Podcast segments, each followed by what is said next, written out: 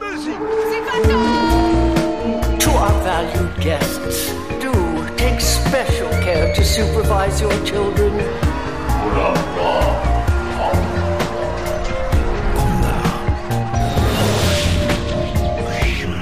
Het is weer ochtend in Pretparkland. Goedemorgen pretparkland en welkom bij je ochtendelijke pretpark podcast. Mijn naam is Erwin Taats. Jelle Verhulst en ik doen vandaag een graai in de Instagram Grabbelton.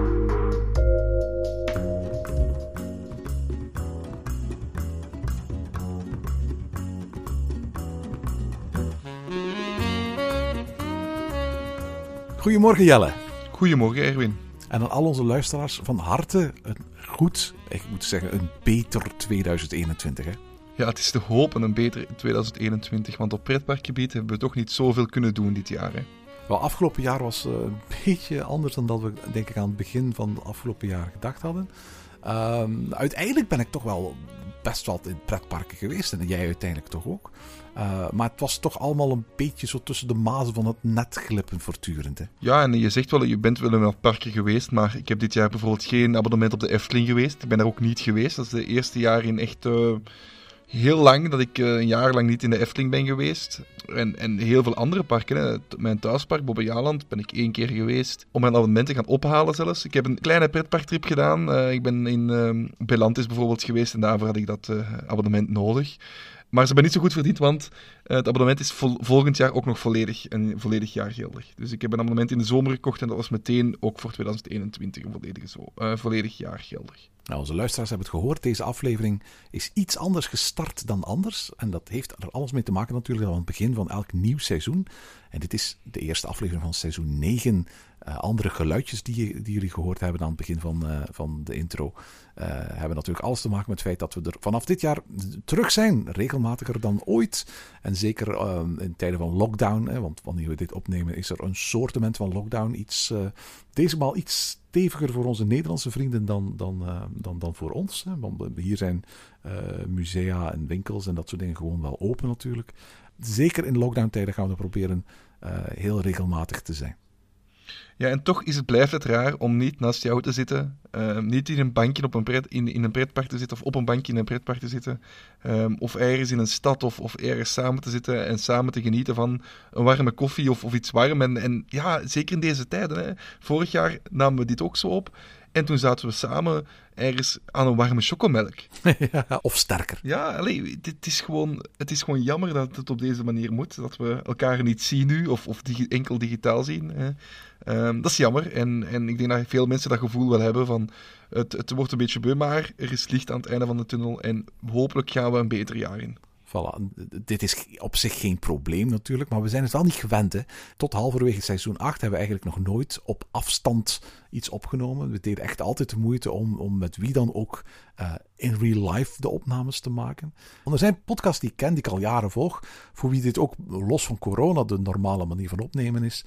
Maar, maar voor ons is het eigenlijk altijd iets wat we naast iets anders doen. Ik bedoel, we spreken zelden of nooit af speciaal om een podcast op te nemen, maar we spreken af om, om ergens een te doen, uh, om ergens uh, bij te praten, om, om leuk uh, ergens wat te gaan eten. En ergens in de loop van zo'n dag nemen we één of meerdere podcasts op. Nu hebben we speciaal afgesproken om vandaag deze eerste aflevering van het negende seizoen op te nemen. En dat, dat is toch wel heel anders en dat is...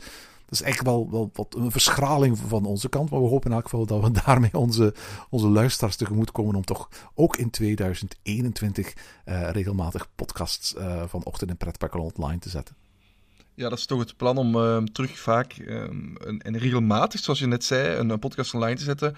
Um, want we doen het uiteindelijk wel graag, deze podcast te maken. Hè? Ik, weet je wat het ook is? En ik denk dat we daar al meteen een, een, een voorafname nemen op iets wat ongetwijfeld straks ook nog te sprake zal komen.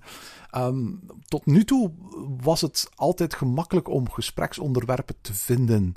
Omdat we geen nieuwsgerelateerde podcast zijn. We, we, zijn geen podcast die wij spreken week na week wat in de actualiteit zit bespreekt. Maar om, om, om onderwerpen te vinden op basis van attracties die we gedaan hebben, parken waar we geweest zijn. We hebben ondertussen een hele interessante line-up van uh, opnames die we al gemaakt hebben voor de komende weken. Dus geen nood wat dat betreft. Maar het is in elk geval wel zo dat waar we naar uit kunnen kijken de komende jaren in pretparkland misschien heel anders zal zijn dan, dan vroeger. Ik bedoel, voor dit jaar, en zeker in België, zijn een aantal interessante nieuwigheden aangekondigd. Maar de vraag is of dat al de komende jaren zo zal blijven. Hè? Ja, ik denk toch dat we um, al zeker twee schitterende podcasts gaan maken dit jaar in België. ja, absoluut. absoluut. Ik, de, de, de, de, de, Time Traveler Coaster, ik weet niet of hij zo zal heten, hoor, maar dus die uh, Extreme Spinning die in, in Plopsaland nu gebouwd wordt en er waanzinnig uitziet. En Conda natuurlijk, uh, die in Walibi Belgium gaat openen. Daar gaan we alle twee uitgebreid aandacht aan besteden in toekomstige afleveringen van, van onze, onze podcast. Maar ik moet wel zeggen, hè, er is, er is ook, we, doen dit al lang, we doen dit al meer dan tien jaar.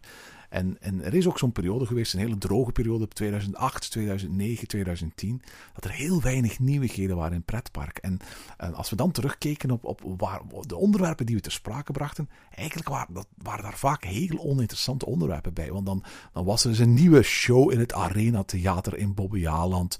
Of er was er in één keer uh, een, halve marketingactie van Walibi bij wijze hun, zeven topattracties uh, onder de aandacht brachten. En goed, we hebben daar wel podcasts voor gemaakt, maar je, je merkt het gewoon, parken hadden in die tijd moeilijk. Dat was de vorige grote economische crisis. Er werd heel weinig geïnvesteerd. En als er heel weinig investeren is in hardware, gaat men investeren in software. En software betekent in veel gevallen marketingacties, entertainment, dingen die relatief weinig geld kosten, waarmee ze zich opnieuw onder de aandacht kunnen brengen. En dat was eigenlijk niet zo'n interessante periode in pretparkland. En ik vrees een beetje dat het wel eens zou kunnen gebeuren dat, dat we weer op zo'n periode gaan afstevenen na dit jaar. Ik bedoel, het geld dat gereserveerd was voor 2021, ja goed, dat is gereserveerd, dat kan uitgegeven worden. Maar de vraag is hoe pretparkland in 2022 en 2023 en 2024 zal zijn. Ik denk dat we heel veel shows en entertainment en marketingacties gaan zien. En van die kleine, kleine dingetjes die aangepast worden. Wat attracties die misschien uh, een nieuw thema krijgen, een nieuwe naam krijgen. Iets wat je op met een paar honderdduizend euro of met een kleinere uh, investering kunt doen. Zonder dat we veel grote nieuwigheden mogen verwachten. Wat denk jij? Ja, ik, ik weet het niet goed. Ik las overlaatst een uh, artikel waarin eigenlijk werd gezegd van, kijk, de koopkracht van de mensen, dus de koopkracht die de mensen hebben, die blijft eigenlijk redelijk gelijk. En hoe komt dat? Zeker in België, en ik kan waarschijnlijk in Nederland ook, maar ik kan me minder uitspreken over Nederland, heeft de staat eigenlijk heel veel geld gegeven aan werknemers om ervoor te zorgen dat die eigenlijk niet te veel geld verliezen in de tijden van lockdown, in de tijden van thuiswerk, in de tijden van eender wat. dus dat, dat, dat de, de mensen hun die daar hun job even niet konden doen, hun geld niet verloren. Klopt, we leven gelukkig in landen waarbij sectoren waar handel drijven moeilijker was, door de overheid voor een groot stuk tegemoet gekomen werd met allerlei vormen van vergoedingen en, en, en tijdelijke opvang. Hè? Ja, en bovendien hebben we de Belgen, stond ook nog in de krant, uh, nog nooit zoveel gespaard als dit jaar. Dus ik heb zo'n beetje het gevoel dat iedereen een potje opzij heeft gezet om op reis te kunnen gaan, om leuke dingen te kunnen doen. En wat zijn leuke dingen? Wat zijn de dingen die de afgelopen jaren niet zijn gelukt? Ja, dat is uh, de afgelopen jaren weinig zijn gelukt. Dat is naar pretparken gaan. Dat is nu eenmaal zo'n uitstap die de Belg wel wil doen. En ik denk dat de twee achtbanen die dit jaar nog gaan komen, hè, Plopsaland en Wallaby, die met, met twee gigantische achtbanen gaan komen, er echt gaan voor zorgen dat er mensen terug naar pretparken, of nog altijd naar pretparken gaan gaan. En eigenlijk hebben we dat ook een klein beetje gezien in de Efteling, waar het ondanks corona toch nog heel vaak enorm druk was, zeker in de weekends. Dat is deels waar natuurlijk. Maar ten eerste, Walibi en Plopsland, die hadden die investering al aangekondigd. Uh, in het geval van Walibi Belgium letterlijk al drie jaar geleden. En ongetwijfeld ook al aangekocht. Lang voor er sprake was van, van, van corona. Dat waren ongetwijfeld contracten waar ze niet zomaar onderuit konden. En ondertussen hebben we ook al van Fons Jurgens gehoord dat de Efteling 17 miljoen euro verlies heeft geleden in 2020. Ik heb er geen goed gevoel bij dat het in 2021 zoveel beter zal zijn. België en Nederland zijn aan het vaccineren, maar dat gaat allemaal een stuk langzamer dan je op het eerste zicht zou denken. En ik, ik weet echt niet of we ervan uit kunnen gaan dat we normale zomer, normale juli en augustus zullen meemaken zoals vroeger het geval was. Maar als dat het geval zou zijn, dan is dat ja, twee jaar na elkaar, bij wijze van spreken, waar parken enorme verliezen opstapelen. Hè. En vooral duidelijkheid, Efteling die in één seizoen 17 miljoen euro verlies leidt voor 17 miljoen kun je heel wat moois neerzetten. Hè? Nee, dat, dat, klopt uiteraard. En ik denk ook wel dat, en, en dat is misschien wel wat klopt, dat parken die dat nu moesten bouwen aan hun toekomst, die nu gingen zeggen van ja, kijk, eh, ik neem aan dat parken twee, drie, misschien zelfs vier jaar op voorhand beginnen aan wat gaan we over twee jaar zetten, wat gaan we over drie jaar zetten. Sommige parken hebben ook lange termijnvisies. En ik denk dat die wel bijgeschaft zijn. En dat die na dit jaar wel echt zijn gezet op, ja, we gaan, dit jaar gaan we ervoor zorgen dat we niet investeren. En waardoor we inderdaad binnen twee jaar minder nieuwe attracties gaan zien. Maar aan de andere kant is dat ook een ideale manier om als kleiner parkje toch een, een iets grotere attractie te bouwen en dan meteen mee in de media te komen als, als grote uitpak. Dus ik denk dat sommige parken dat ook wel slim mee gaan omgaan. En op die manier juist ook nieuwe attracties gaan zien. Ik denk dat we nog verrassingen gaan zien de komende periode. Zeg jij, ik stel voor dat we ons laten verrassen door uh, onze luisteraars. We hebben gevraagd aan onze luisteraars voor de derde keer om uh, ons vragen te stellen via Instagram. De Instagram Grabbelton afleveringen uh, noemen we dat altijd. We hebben opnieuw veel meer vragen gekregen dan we ooit kunnen beantwoorden in, in deze tijd. En um, ik um, stel voor dat we een aantal van die vragen uh, eventjes eruit zullen halen. Hè? Erwin, weet je wat leuk is? Zeg eens. We hebben gewoon al een vraag beantwoord net. Ja, absoluut. Ik wist, ik wist, ik was er al heel snel eens doorgegaan. Ik wist dat we eigenlijk al een vraag beantwoord hadden. Kun je snel zien van wie dat wij die vraag beantwoord hebben? Of... Ja, de vraag is gesteld door Hertog Jan. Hertog Jan, is dat geen bier uit Nederlands Limburg? Ja, misschien. Misschien, misschien is het het biermerk dat ons gevraagd heeft. Maar zo ziet, ja, het, zo ja, ziet de profielfoto er niet uit. Um, hij schrijft, dag heren, ik ben erg benieuwd hoe jullie de toekomst van de parken zien nu het geld oplijkt. Dus die vraag hebben we net beantwoord. Mag ik daar nog één dingetje over zeggen? Je zei daarnet, parken hebben een lange termijnvisie. En, en uh, het klopt dat we de afgelopen jaren steeds vaker zulke, zulke visies te zien hebben gekregen. Was deze hobby iets uh, waarvan ik bij wijze van spreken vroeger de indruk had dat je die een beetje van maand tot maand, van jaar tot jaar volgde? En je zelden iets te weten kwam wat parken over een langere periode van plan waren. Dan hebben we de, de afgelopen jaren daar, daar echt wel veranderingen in zien komen. Uh, denk maar aan dat transformatieplan van Walibi Belgium of uh, de ingediende voorstellen voor het uh, nieuwe bestemmingsplan van de Efteling. dat, dat meerjarenplan voor de Walt Disney Studios in Parijs. Meer dan ooit tevoren gaven tal van parken een inkijkje in hoe hun plannen eruit zouden komen te zien, verder dan zomaar één of twee jaar in de toekomst. En, en anderzijds hebben we ook gezien dat het te vroeg aankondigen van bepaalde plannen heel vaak uitdraait op teleurstellingen. Zoals Toverlandenpark, dat vroeger vrij open speculeerde over hun toekomstplannen, om die dan op een later moment totaal om te gooien. En ook Plopsa heeft verschillende keren het geweer van schouder moeten wisselen, telkens als een bepaald IP van Studio 100 ineens meer of minder populair was dan verwacht. En ik merk bij mezelf dat ik groots aangekondigde plannen voor een verre toekomst ook, ook steeds kritischer ga bekijken. Uiteraard konden we de huidige pandemie niet voorspellen, hè Jelle, maar ik, ik weet dat we zowel bij de aankondiging van de meerjarenplannen van de Walt Disney Studios als van Walibi Belgium in onze podcast grote vraagtekens hebben gezet bij de, de schaalbaarheid en de haalbaarheid ervan. Ik bedoel, de, de pretparksector is een extreem wendbare sector. Je kunt je afvragen hoe slim het is dat dit jaar twee parken in België tegelijk twee enorme coasters openen. Je kunt je afvragen hoe slim het is om een plan naar buiten te brengen zonder dat je weet welke trends er over drie jaar of vijf jaar populair gaan zijn, welke stappen je directe concurrenten zullen hebben gezet tegen die tijd, of hoe die wereld er op dat moment uit gaat zien. Ik denk dat het goed is dat een park intern dan een soort van roadmap heeft, zodat dat park weet in welke richting ze met z'n allen willen gaan. Maar voor ons als bezoekers en liefhebbers is het toch echt belangrijk dat we niet te snel te euforisch worden bij zulke aankondigingen.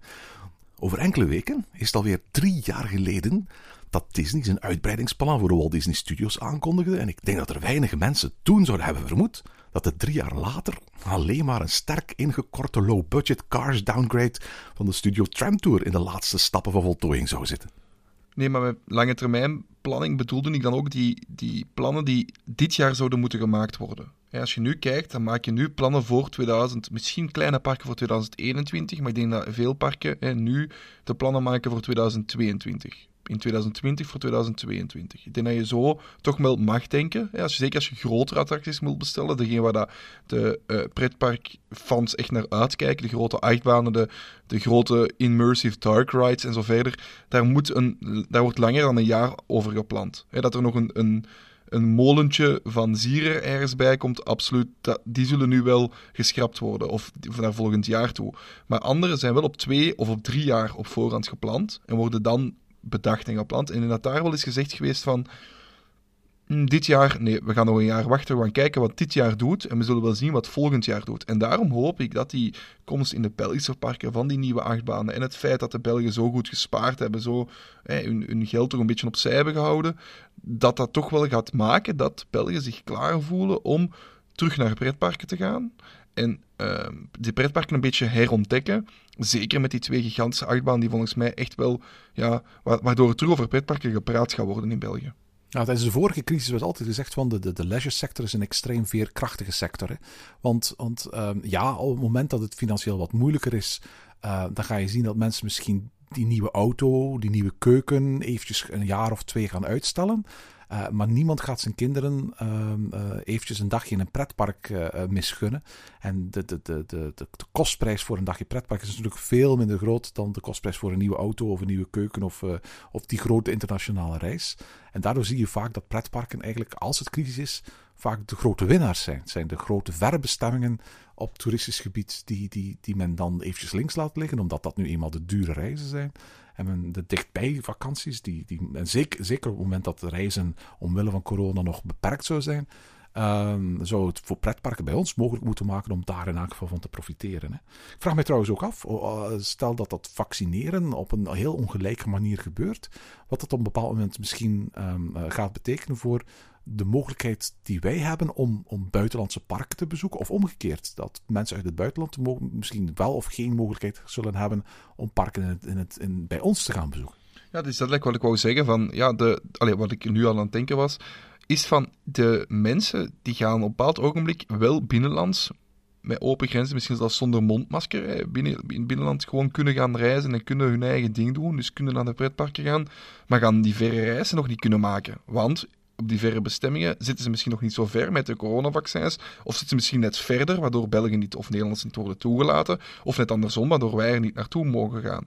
Dus ik denk dat daar ook moet over nagedacht of, of voor de pretparkbranche en eigenlijk voor heel de leisure sector in België wel iets, iets in zit van ja, kijk, misschien kan dat wel gebeuren. En als we dan even verder gaan kijken, ja, Plotseland heeft een hotel gezet, maar ook in Nederland zijn heel veel parken met huisjes, met, met, hè, met die privéhuis waar je met je vrienden, met je familie naartoe kan ik denk dat dat echt wel heeft aangetoond nu in coronatijden. Van ja, dit zijn veilige bestemmingen. Je kan met je vrienden naar een huisje gaan en iedereen blijft binnen, zijn, binnen de bubbel van de vrienden.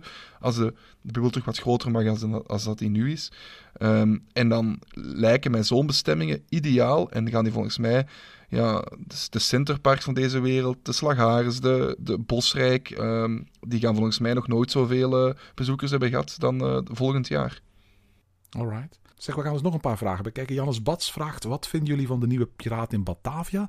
Toffe Jannes is, we gaan dit niet nu behandelen. Ik zou daar natuurlijk antwoord op kunnen geven. We hebben eigenlijk al een aflevering opgenomen die heel binnenkort online komt.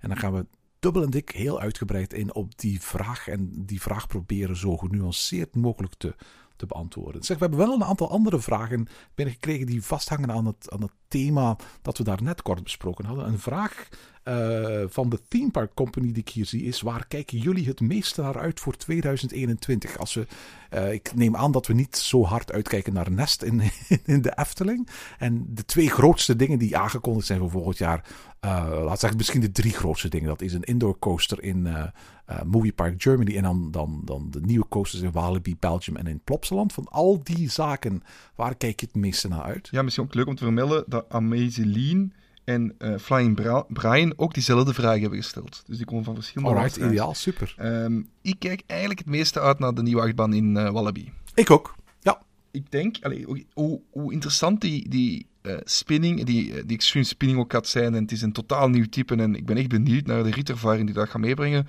Maar ik heb gewoon zin om nog eens, ja echt gewoon zo'n gigantische achtbaan te zien staan in ons Belgelandje. En, en nog eens zeg ik, maar eigenlijk voor de eerste keer echt een gigantische achtbaan zien staan in ons Belgeland. En gewoon daar, ja, ik, ik zag de beelden van de fans die waarschijnlijk al, al dagen aan de poort hadden gestaan of, of aan het hekwerk hebben gestaan om te kunnen filmen wanneer de eerste rit gaat. En ik zag die zo vlot over die, over die achtbaantrek gaan. En meestal de eerste rit is zo nog maar net de top halen en zo nog traag. En ik zag de deze al gaan en dacht, yes, hier heb ik zin in. Ja, je zegt het nu wel, maar dat is inderdaad iets heel erg opvallends. Wist je dat de nieuwe Extreme Spinning Coaster in Plopsaland lager is dan de Anubis in Plopsaland? Nee, ik heb, maar ik, ik, heb dat nooit opgelegd. Maar, allez, ik heb dat nooit opgezocht. Ik heb ook nooit bij stilgestaan. Maar ik, ik heb altijd dat gevoel van die achtbaan, van ja, die is... Die staat daar ook zo in, in het midden. Allee, hoeveel ruimte dat je er nog hebt. Ik heb de plannen nog nooit fatsoenlijk bekeken om, om exact te kunnen zeggen van die super groot of super klein. En ik ken, de, ik ken de stats ook niet van buiten. Dat heb ik me dit jaar niet mee kunnen bezighouden. Maar ik weet gewoon dat daar kijk ik niet zo naar uit. Ik ben, ik ben benieuwd naar die bijzonderheid van die attractie en, en, en hoe dat die voelt. En, want ik heb die nog niet gedaan in Amerika. Dus ik ben echt benieuwd hoe dat die voelt en hoe dat die gaat en, en wat dat er zo speciaal aan is. Maar je kijkt toch meer uit naar die gigantisch hoge achtbaan en die, en die gigantische heuvels en die, die achtbaan die daar in Wallaby staat, die gewoon dat park terug op de pretparkkaart zet van de Europa. Hè? Ja, absoluut. De, de, de stad van de Time Traveler, zoals die voorlopig genoemd wordt. Maar dat is een, een tijdelijke naam. Eigenlijk het is de naam van dezelfde attractie die ook al in Silver Dollar City gebouwd is. En, en daar waar Plopsaland nu eigenlijk een kopie van krijgt. Of nagenoeg een kopie van, uh, van krijgt. De Time Traveler die is 33 meter hoog. De Anubis is 34 meter hoog, dus het is een, een meter minder hoog. De topsnelheid is 90 km per uur. Dat is dezelfde topsnelheid als, als Anubis The Ride. Anubis heeft drie inversies, terwijl de Time Traveler vijf inversies heeft. Dus dat is wel spectaculairder. Anubis is 600 meter lang, deze is 900 meter lang. En bovendien ga je spinnen natuurlijk. En ik heb het gevoel, en daarmee kom ik eigenlijk op een vraag terecht die Pieter Leeboy ons gesteld heeft. Wat vind je eigenlijk van die, die Extreme Spinning Coaster voor Plopsaland? Ik ben bang dat dit wel een extreme misselijkmakende coaster gaat zijn. Althans, het soort coaster die ongetwijfeld heel spectaculair gaat zijn. Maar niet die coaster van ik het gevoel ga hebben van hier wil ik tien keer naar elkaar in. Terwijl ik dat waarschijnlijk wel ga hebben met Conda in Walibi Belgium. Ja, uiteraard. Ik, denk, ik denk eigenlijk hetzelfde. Die achtbaan in Plopsland, dat, dat gaat een achtbaan worden um, die dat volgens mij uh, een one-trick pony is. Die, die gaat, je gaat erin gaan zitten, je gaat het meemaken. En ook al heb je door spinning waarschijnlijk altijd wel een iets ander ritgevoel, je gaat niet dat gevoel hebben van ik wil nog eens en ik wil nog eens, ik wil nog eens. En bij Anubis had ik dat vroeger wel. Maar door, zoals je zegt, dat draaien, dat vijf keer voor de kop gaan um, en ga zo maar verder, denk ik dat je hier relatief snel misselijk wordt. Ik weet het niet. Ik heb, ik heb nog nooit zo'n type gedaan. Dus ik ben echt, ik laat me verrassen natuurlijk ook. Ik moet ook zeggen van dat ik, dat ik spinning coasters niet zo gek bijzonder vind. Ik ga het geen one-trick pony noemen, maar het, is ook, het voegt ook niet zoveel toe. Ik moet ook eerlijk toegeven, als je mij vraagt om een top 10 te geven, of zelfs top 20 van mijn favoriete coasters ter wereld, dan gaat geen enkele spinning coaster bij zitten. Nee, maar hoeveel Intamin Mega coasters staan erbij?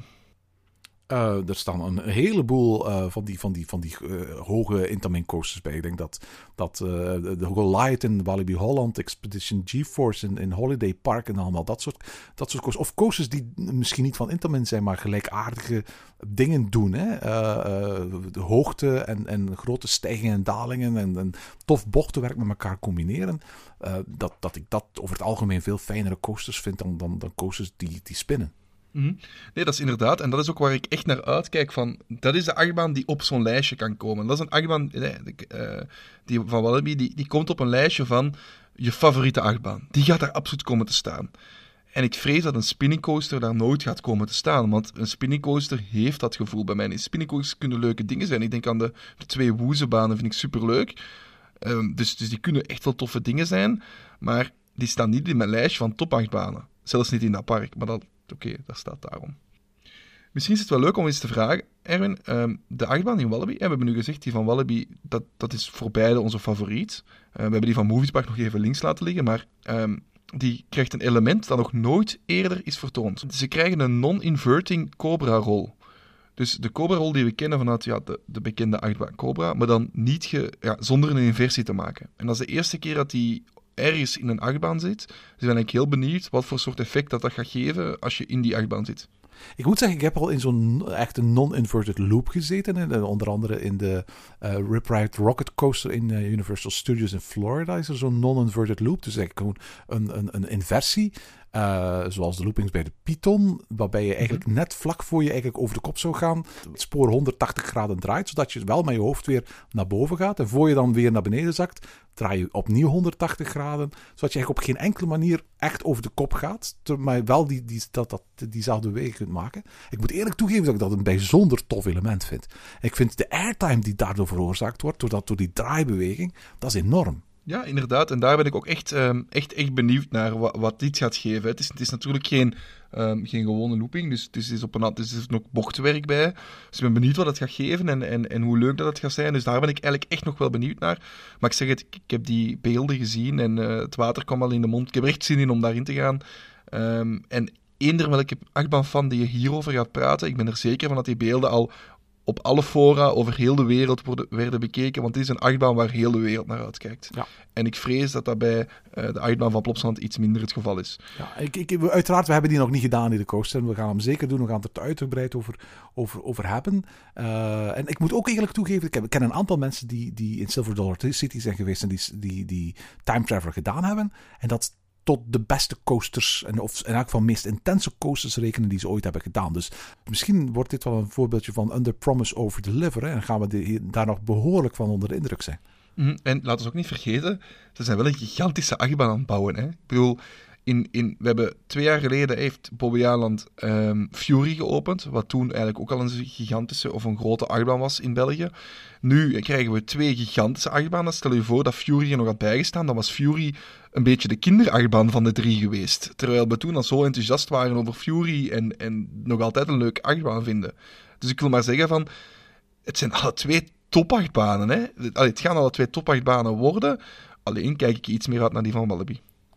Ehm, we kregen ook een andere corona-gerelateerde vraag. eh, en die komt van Silvio LRZ. En die vraagt: Gaan de prijzen van de pretparken in Europa significant stijgen in verband met de coronacrisis? Ik denk dat we nu al zien dat dat niet het geval is. Ik denk dat we nu al zien van, van de meeste parken zeggen van, ja kijk, we hebben eh, onze abonnementprijs blijft hetzelfde, want we hebben niet hetzelfde kunnen aanbieden. De Efteling is al naar buiten gekomen dat ze hun prijs niet gaan aanpassen volgend jaar. En ik denk dat heel veel parken dat gewoon gaan volgen. Ze hebben dit jaar gezien dat er weinig mensen zijn gekomen. Ze gaan de prijzen gewoon hetzelfde houden. Misschien gaan we zelfs kortingen zien. We zien toch heel vaak dat als parken ehm, weinig bezoekers trekken, dat ze dan met kortingen gaan beginnen komen. Ehm, zeker hier in België, waar met een korting naar een pretpark gaan bijna de gewoonte is geworden. Ehm, al, al heel lang de gewoonte is eigenlijk, waarbij je hoort van de gewone ehm, Jan in de straat, dat hij zegt van ja, ik ga enkel naar een pretpark als ik korting krijg. Ehm, dus ik denk dat dat gewoon gaat blijven bestaan en, en dat we daar nog altijd in de toekomst meer en meer van gaan zien. Ik denk zelfs dat het goedkoper gaat worden voor eh, naar pretparken te gaan, doordat er meer korting komt. Ja, ik, ga daar een nu- genuanceerder antwoord op geven.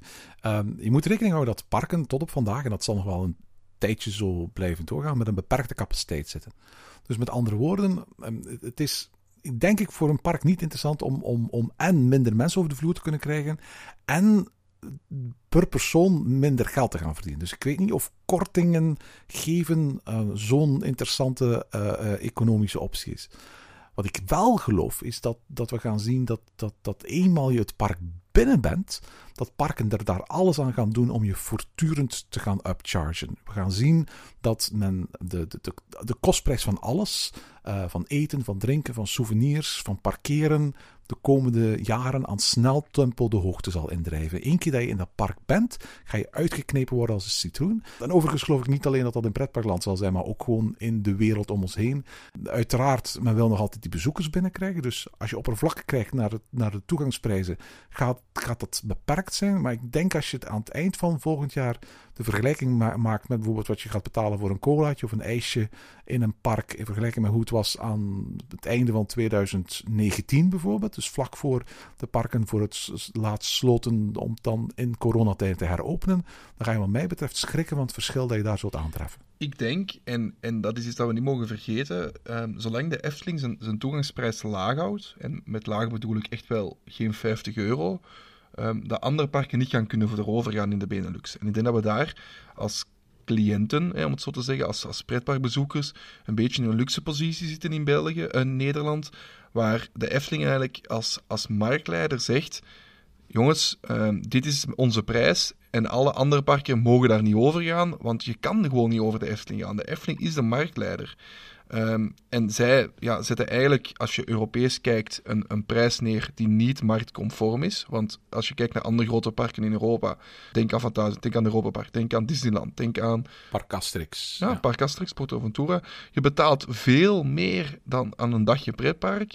En vaak ook zonder dat daar kortingsacties bij komen kijken. Hè.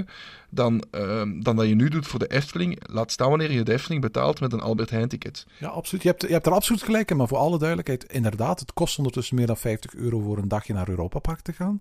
Maar aan het eind van dat dagje in Europa Park, ik was er in september nog maar, heb ik wellicht alles samen minder uitgegeven, omdat eenmaal je in het park bent, de prijs voor eten en drinken gevoelig lager ligt, zelfs in coronatijden, dan in de Efteling. Nee, absoluut gelijk. En, ehm, maar goed, dat is een discussie voor een andere keer. We gaan eens een aantal vragen beantwoorden die niks met corona te maken hebben. Hè? Want anders wordt dit weer zo'n corona-aflevering. Ook al snappen, maar altijd goed. En vooral duidelijk, ik, ik zit nu tussen de honderden reacties te scrollen die we gekregen hebben.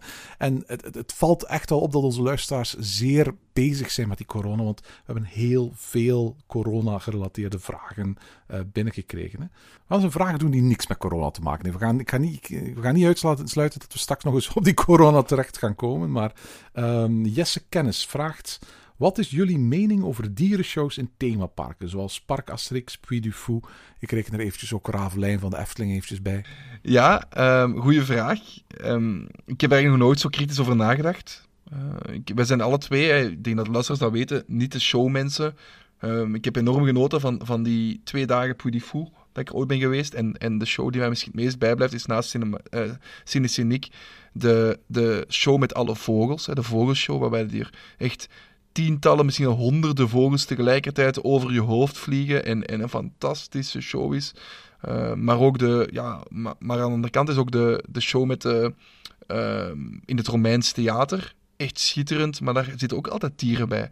En de vraag is dan, ja, voor mij doet dat niet af aan een beleving. Het is niet zo dat ik echt zo het gevoel heb van, och arme die dieren. Dat, dat gevoel heb ik niet. Maar als je daar kritisch over na begint te denken, dan denk je misschien ook soms wel van, ja, is dat wel nodig?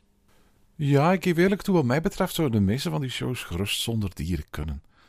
Uh, we hebben de afgelopen jaren, wat dat betreft als maatschappij, grote stappen gezet.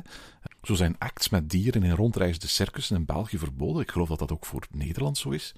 En in steeds meer landen is er een verbod op het houden van uh, walvisachtigen en zeezoogdieren. Zo ligt er in het Brusselse parlement op dit eigenste moment een ontwerp van ordonnantie dat het houden van dolfijnen, orka's, bruinvissen, zeeleeuwen, zeehonden enzovoort in dolfinaria en waterparken moet verbieden. En ik geloof dat daar nog deze maand over gestemd gaat worden. Ehm, de huidige minister van Dierenwelzijn in Vlaanderen werkt aan een uitdofscenario voor het enige Vlaamse dolfinarium in het um, Boudewijn Seapark in Brugge waarbij het kweken van nieuwe dieren verboden gaat worden. En los van die wetgevende discussie geef ik toe dat ik shows met dieren ook steeds vaker ben gaan associëren met een tijd die echt tot het verleden hoort. En waar ik totaal geen nostalgie voor voel. Um, je hebt het over Puy maar laten we eerlijk zijn, daar worden dieren gewoon in kooien geparadeerd door dat Romeinse amfitheater. Gewoon voor ja, een schokeffect. En de meerwaarde voor dat spektakel die is weinig of niks. En ze zou die perfect kunnen vervangen door wat levensechte animatronics. Kijk, um, voeder- of enrichment demo's in dierentuinen. Die moeten wat mij betreft nog kunnen. Maar alleen als de dieren daar zelf zin in hebben. En niet per se om 10 uur, 12 uur en 14 uur, omdat dat nu eenmaal de tijdstippen zijn die zo op de plattegrond afgedrukt staan, snap je? En het arsenaal van bijzondere effecten en animatronics en projecties waar attractieparken vandaag over beschikken, dat is zo enorm. Je gaat mij niet zeggen dat die enkele vogels die af en toe over Ravelijn vliegen, werkelijk zoveel toevoegen of niet vervangen zouden kunnen worden door een ander effect waar geen levende dieren nodig voor zijn. Nee, mijn mening is daar iets minder fel in. Ik, uh, ik heb gewoon zoiets van, ja, het hoeft voor mij niet, maar als ze er wel in zijn, doet dat voor mij ook geen afbreuk aan de ervaring die, die ik daarin heb. En ik, ik vind vogelshows spectaculair, dus ik, vind dat wel leuk om naar te gaan kijken. Uh, maar aan de andere kant vond ik de Orca-show in, in SeaWorld op zich ook spectaculair, maar zie ik daar wel echt in van, dit is echt fout. Wat ik hier heb gezien is echt fout. En... Uh, daar, daar zou ik ook zeggen van het hoeft niet. En dan is de stap natuurlijk klein om... Oh, dan zou ik eigenlijk ook moeten zeggen, ja, die vogelshows, die, die roofvogels, die leven ook over gigantische gebieden normaal gezien. Volgens mij hoeft dat ook niet. Maar ik ken daar eigenlijk ook te weinig van om daar echt diepgaand over in te gaan. Zal ik nog een vraag stellen, Erwin, die jij kort kan beantwoorden? Alright. Heeft Bellewaarde geen nood aan eigen pretparkmuziek? Ja, ik had die vraag van Klaas Ringgoot ook gezien. Hij stelde ook de vraag: zou Dirk Brosset, eh, de bekendste filmcomponist van België, geen goede pretparkmuziek kunnen schrijven?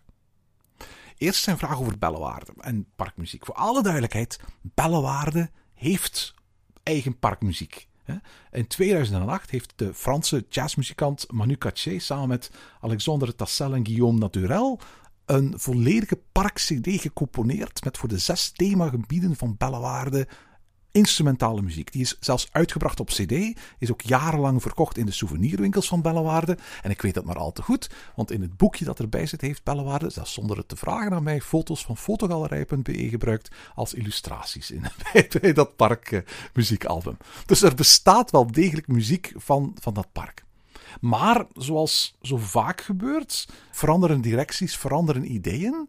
En nadat men daar een aantal jaren gebruik van gemaakt heeft, uh, op een bepaald moment gezegd: het zou waarschijnlijk sfeervoller zijn om her en der andere muziek te gaan maken. En inderdaad, nu hoor je uh, playlists in het cowboydorp, in het Mexico-dorp, um, in Canada, die gebaseerd zijn op bestaande muziek. En is het zo dat Bellewaarde geen eigen muziek meer heeft. Er zijn wel een paar attracties trouwens met, echte met, met muziek die er speciaal voor gecomponeerd is. Denk maar aan Huracan en zo.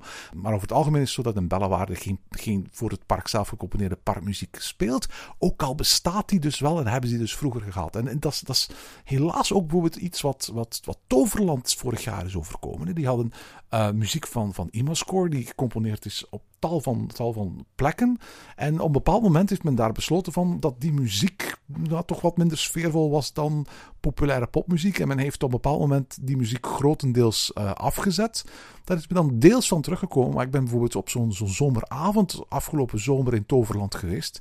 En eh, tot mijn grote teleurstelling eh, was het zo dat er overal bij elk pleintje, bij, bij elk horecapuntje, waren er artiesten die live muziek aan het spelen waren. Um, en een keer dat je s'avonds uh, een cocktail aan het drinken was, dan speelde er inderdaad niet meer de standaard Imascore muziek, maar was het andere muziek die men speelde. Het was alsof men dacht van, bij zo dat festivalsfeertje dat wij proberen op te wekken, hoort niet de speciaal door Imascore gecomponeerde muziek. We gaan ook iets anders kiezen.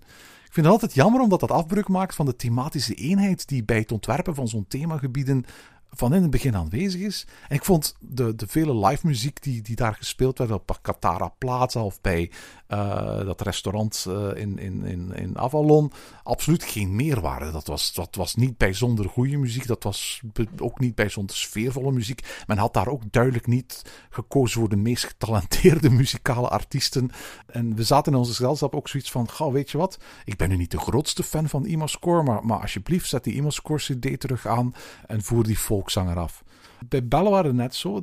Men, heeft muziek en dat is echt prima muziek. Uh, uh, je moet maar eens kijken, die, die CD kun je nog wel online vinden. Uh, dat is echt hele fijne muziek om naar te luisteren. En wat mij betreft hoeven ze niet eens speciaal muziek te componeren, maar moeten ze gewoon terugbrengen wat er ooit was. Bovendien vraagt uh, Klaas ook de vraag: is het geen goed idee om Dirk Brossé uh, eens muziek te kunnen laten componeren? Ik zou dat trouwens een heel goed idee vinden. Um, Dirk Brossé is een van de eminente um, filmcomponisten van, van, van Vlaanderen.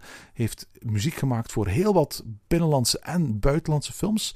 Is ook een hele goede dirigent, die, die onder andere voor John Williams de Star Wars in Concert concertenreeks overal ter wereld gedirigeerd heeft. Is ook de peetvader van het filmmuziekprogramma van Filmfest Gent. Dus maakt fantastische muziek, kan die ook heel goed dirigeren.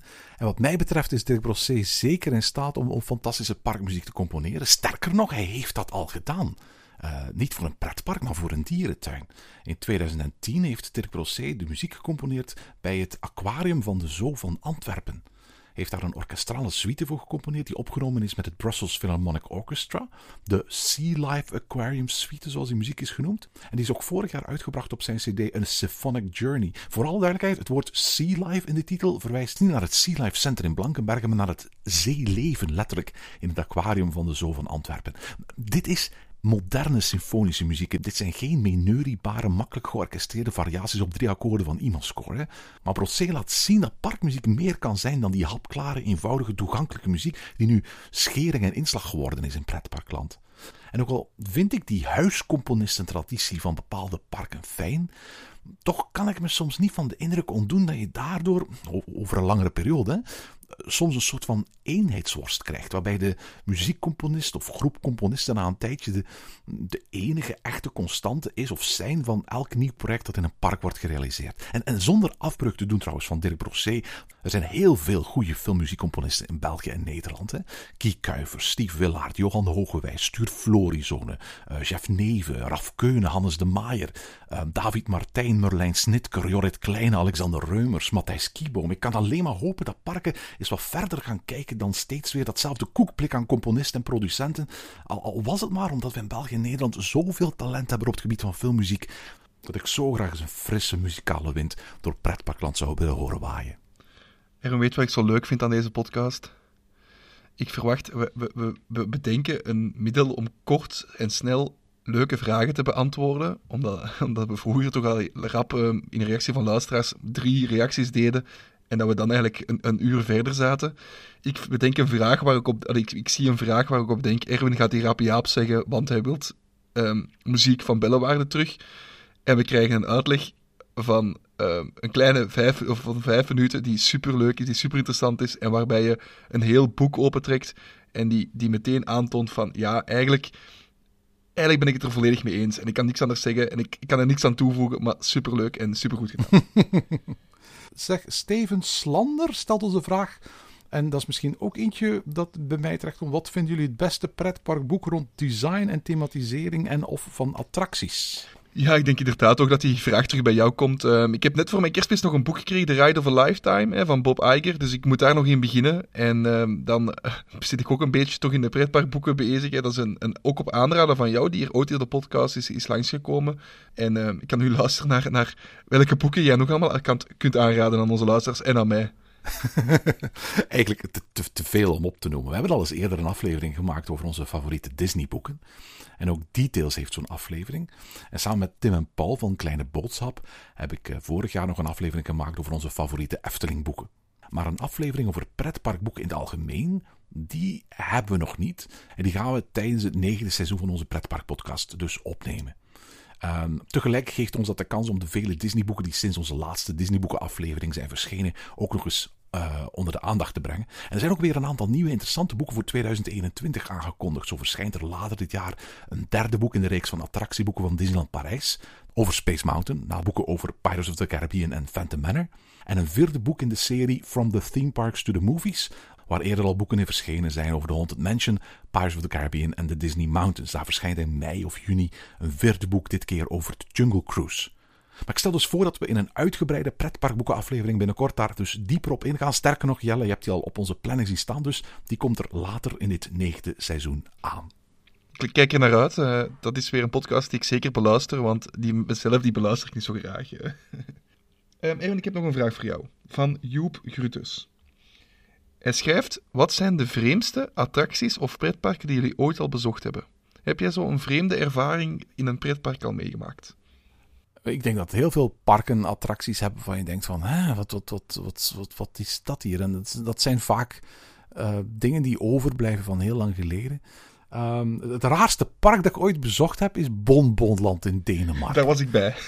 ja, daar was je bij. Uh, dat was een park gethematiseerd naar um, uh, snoepjes uh, van, een, van een populair Deens snoepjesmerk.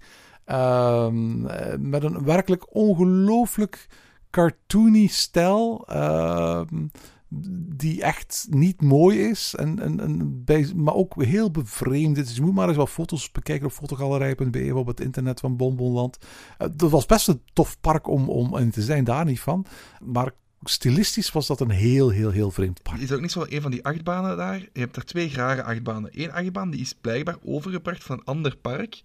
Maar die stond daar op een berg en die staat hier op een vlakte, waardoor dat die gigantische pilaren had. Klopt, de keverbaan is dat, ja. Ja, maar het station staat wel 10 meter hoog of zo. Echt... Ja, ja, ja, klopt inderdaad. Ja. En de andere achtbaan die daar zo raar is, is de hondenproeter, waar, uh, die ook wereldberoemd is, want er staat een hond die aan het ja, die, die zijn behoefte aan het doen is. Ja, ja, ja zo zijn er nog wel meer van dat soort rare attracties, inderdaad. En, ja. en ook super vreemd is, is het ingangsgebied daar, waarbij je aan de rechterkant zo die supergrote indoorgebied had, zo, waar je kon doorwandelen met allemaal, ja, zo heel slecht gethematiseerde gebieden. Zo, uh. Ik denk dat dat themagebied ondertussen afgesloten is. Ik denk dat het niet meer open is.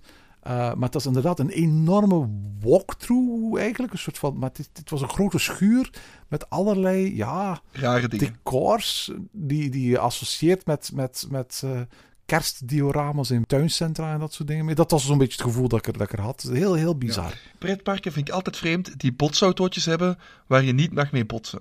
Ehm, daar heb ik ook al meegemaakt. Uh, ergens in een, uh, ergens in een of ander Duits park. Ik denk in Serengeti Park. Wij zaten daar dan met een groep pretparkfans. En we waren dan aan het rijden. En als je toch elkaar botste, dan kreeg je daar een boze Duitser achter je aan. Dat het niet normaal was. Die, die medewerker die zette ook meteen die attractie stil. En we moesten allemaal weg, want daar had één iemand gebotst. En ja, oké. Okay. maar het allervreemdste dat ik ooit heb meegemaakt, is de um, water baan, dus de, uh, de Rapid River van Mer de Sable. Heb je die ooit al eens gedaan? Ja, dat is die zelfgemaakte Rapid River van Mer de Sable. Waarvan de boten altijd vol water staan nog voor je erin stapt. En waarvan je denkt, dit, dit, dit kan toch niet legaal zijn? Het is een beetje de Rapid River variant van die wilde muiscoaster die vroeger in Blackpool stond.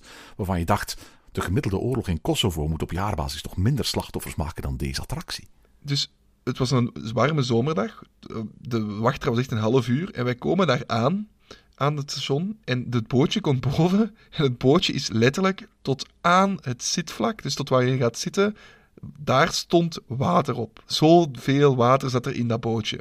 En wij keken die operator aan en die operator, ja, ga maar zitten.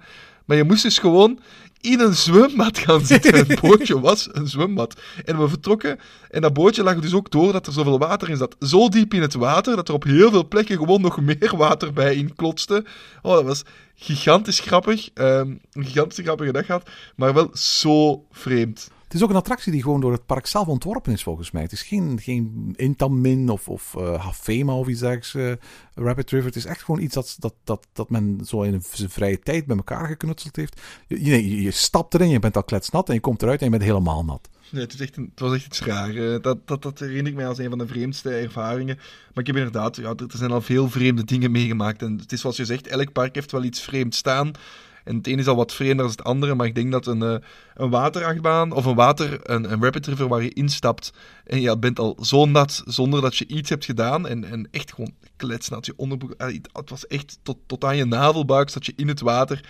Uh, dit, dit was echt wel het bijzonderste wat ik ooit heb meegemaakt. Eh. Mag ik het hebben over een, um, een, een, een, een attractie waarvan ik vrij zeker ben dat je nog nooit gedaan hebt? Uiteraard.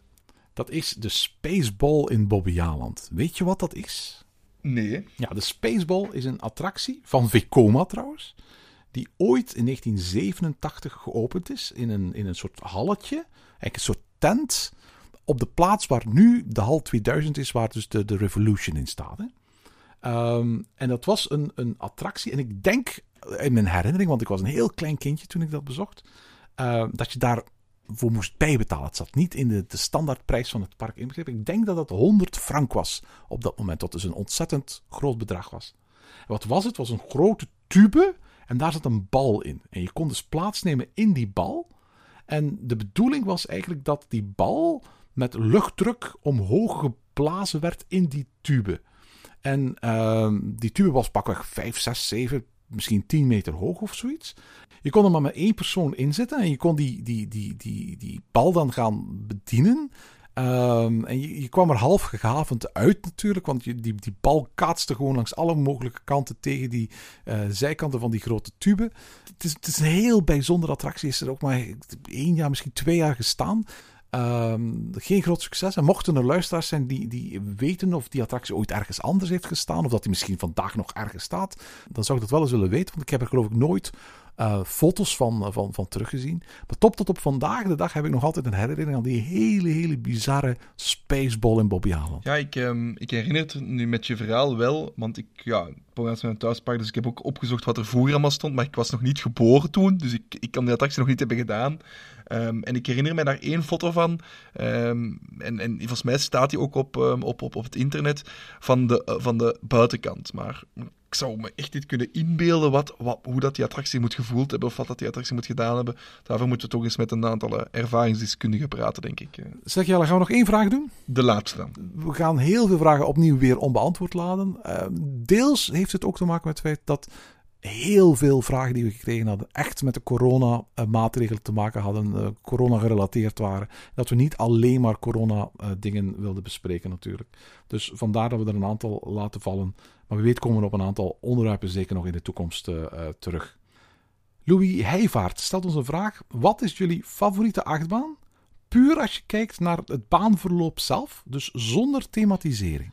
Ik vind dat een heel moeilijke vraag. Ik had de vraag ook gelezen. Ik had gehoopt dat je ze er niet ging uithalen, omdat ik ze zo moeilijk vond, Erwin. um, ik vind dat die thematisering er altijd bij hoort. Maar we gaan nu puur gewoon de vraag beantwoorden. Ehm, Mag ik daar e- eventjes gewoon op inpikken? Omdat je zegt, ik vind dat die thematisering er altijd bij hoort. Ja, maar ik kan ze absoluut van elkaar scheiden. En, en ik ga daar een heel concreet voorbeeld aan geven. Eh, het is niet mijn favoriete baan, maar het is, het is wel een baan die ik bijvoorbeeld heel goed vind. Ik vind bijvoorbeeld Vogelrok in de Efteling ondermaats gethematiseerd voor de Efteling.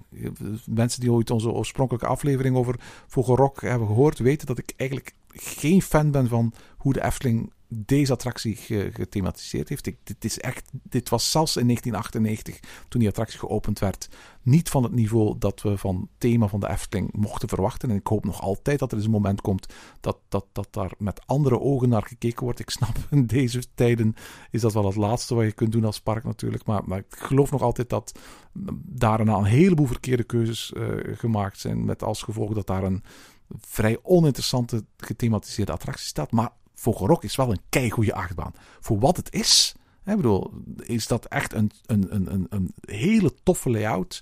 Het is, het is wat mij betreft een zeer, zeer, zeer goede indoor achtbaan. En, en los van thema kan ik, dat, kan ik die zeer appreciëren. Ja, maar mijn vraag is, is kan het andersom? Kan je een goede achtbaan bedenken, zoals Taron, en denken, ik zal in deze achtbaan gaan zitten zonder thematisering, is die dan beter of slechter dan bijvoorbeeld een Shambhala? Stel nu eens dat we Taron, zoals die is, ergens plaatsen in een park, maar zonder dat er thematisering omheen zit. A la Monster. A la Monster, absoluut. Ja, we zetten, Taron in Valigator. Gaan we Taron dan zo goed vinden als we Taron nu vinden? Er gaat nog altijd een goede achtbaan zijn. En, en Walligator kennende gaan de midbreak rem, gaan, gaan die remmen die bovenaan erop staan. Gaat misschien juist toch een veel betere achtbaan zijn, voilà. dus het wordt een gigantische goede ik, ik, ik vind dat, dat, is de moeilijkheid van, van deze vraag. En sowieso de moeilijkheid als er wordt gevraagd: wat is je lievelingsachtbaan? Maak eens een top 5 van je lievelingsattracties. Van u. Ik vind dat dat altijd afhangt van, van de moment. Maar als ik puur moet kijken naar wat vind ik toffe attracties, wat vind ik goede attracties. Um, maar komt er bij mij altijd in, in mij op als ze aan mij vragen: wat vind je, wat is je? Dat is Helix. Helix heeft op zich niet zo'n super thematisering. Helix is tof, hè? Helix krijgt niet de liefde onder pretparkliefhebbers die het eigenlijk verdient. Veel pretparkliefhebbers vinden dat niet zo'n sublieme attractie. Ik vind dat een fantastische attractie. Meestal vinden ze ook niet subliem genoeg, omdat die, of niet goed genoeg, omdat hij te soepel is. Omdat hij te soepel zijn bochten neemt en zo verder. En omdat de uh, launches niet krachtig genoeg zijn. Omdat de launches, die, gaan, die lopen omhoog. Klopt. Hè? Dus, dus, de, als je, dus daardoor voelt hij minder krachtig aan, die launch. Um, dus dat is vaak de kritiek die hij krijgt. Maar het is een verdomd goed ontworpen attractie, hoor. Mooi tegen die, tegen die, tegen die helling. En dan is de vraag, ja, hoort die helling bij de thematisering? Want als je die helling wegneemt, dan weet ik niet of Helix nog altijd die topachtbaan blijft zoals die nu is. Ja, dat is lastig inderdaad. Als je gewoon van boven moest instappen en die, die zakt in een put of die, of die, uh, die staat gewoon ergens op een grasveld, uh, à la monster. Dan weet ik niet of het diezelfde, of het diezelfde topachtbaan blijft. Dus dat is, dat is mijn ding altijd van, ja, moeilijk. En dan zou ik meteen gaan naar wat is mijn lievelingsachtbaan waar die weinig thematisering heeft. Ja, dat zijn er wel een aantal. Ik ben mijn eerste fly die ik ooit deed, en ook voorlopig ook mijn enige, want ik ben nog niet in fly kunnen gaan, die staat in SeaWorld, wat ik nog altijd een pracht van een achtbaan vind. Manta. Ja. Dat is een keigoeie, hè? Ik vind het altijd een pracht van een achtbaan. En, en ik zou er uh, zo voor tekenen om maar terug te staan. Ik heb hem jammer genoeg maar één keer kunnen doen met een gigantische, gigantische uh, slaaptekort. Maar dat, is een, dat, dat verhaal kennen jullie al. Maar dat vond ik een gigantisch goede achtbaan. Ja, en zoals je net zei, Shambhala uh, vind ik ook echt persoonlijk een topachtbaan. Zonder veel, zonder veel dat er veel thematisering is. Van daarom denk je dus echt dat als je dat wegneemt uit die wereld, net zoals bij Black Mama, dat zal ook Black Mama niet bij de topachtbaan nemen, maar als je die wegneemt uit die wereld, als je die thematisering wegneemt, gaat dat volgens mij een stuk minder um, interessant zijn. Ook al blijft die lancering gigantisch goed. Hè, en, dat stuk dat je daar helemaal beneden zit, en, gigantisch goed. Hè, maar het gaat, gaat minder ervaring geven. Ja, zit er bij jou iets, iets uh, meteen uh, in je hoofd? Ja, mijn eerste idee was eigenlijk Taron ook. Uh, Taron, uh, uh, ik zat te denken van hoezeer speelt het thema mee als ik eenmaal afgeschoten word. En ja, ik zie natuurlijk wel die, die, dat rotswerk, et cetera. En uiteraard de, de, de, de geluidseffecten bij de tweede lancering. En dan het feit dat je daar zo tegen de kliffen op naar boven wordt afgelanceerd. Dat, dat, dat voegt wel dingen toe. Maar ik denk dat dat net zo spectaculair is mocht je die uh, omgeving uh, weglaten. En ik geef eerlijk toe um, um, dat, dat, ik eigenlijk denk dat ook Taron overeind blijft als achtbaan uh, zonder, zonder dat thema. Zeg, eh, omdat we het over Taron hadden en Fantasieland, misschien nog afsluiten met een klein beetje uitleg en een belofte voor de toekomst.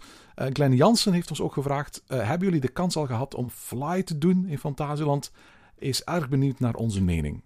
Uh, misschien moeten we daar eventjes uitleggen van, van um, dat we een uitnodiging gekregen hadden van Fantasieland om uh, aanwezig te zijn uh, in het openingsweekend in het hotel en om de achtbaan te doen.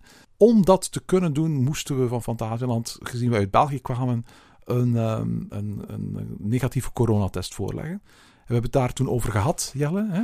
En uiteindelijk hebben, we volgens, uiteindelijk hebben we beide besloten om, om dat niet te doen hè, op dat moment. Ja, klopt. We hebben beide gezegd van we gaan dat niet doen. Um, en jammer, en, en nadien werd dan de lockdown nog groter, want we dachten eerst van ja, we gaan, als we even wachten, zal de lockdown wel verminderen en kunnen we dan, uh, dachten we oorspronkelijk, hè, daar kunnen we dan gaan zonder.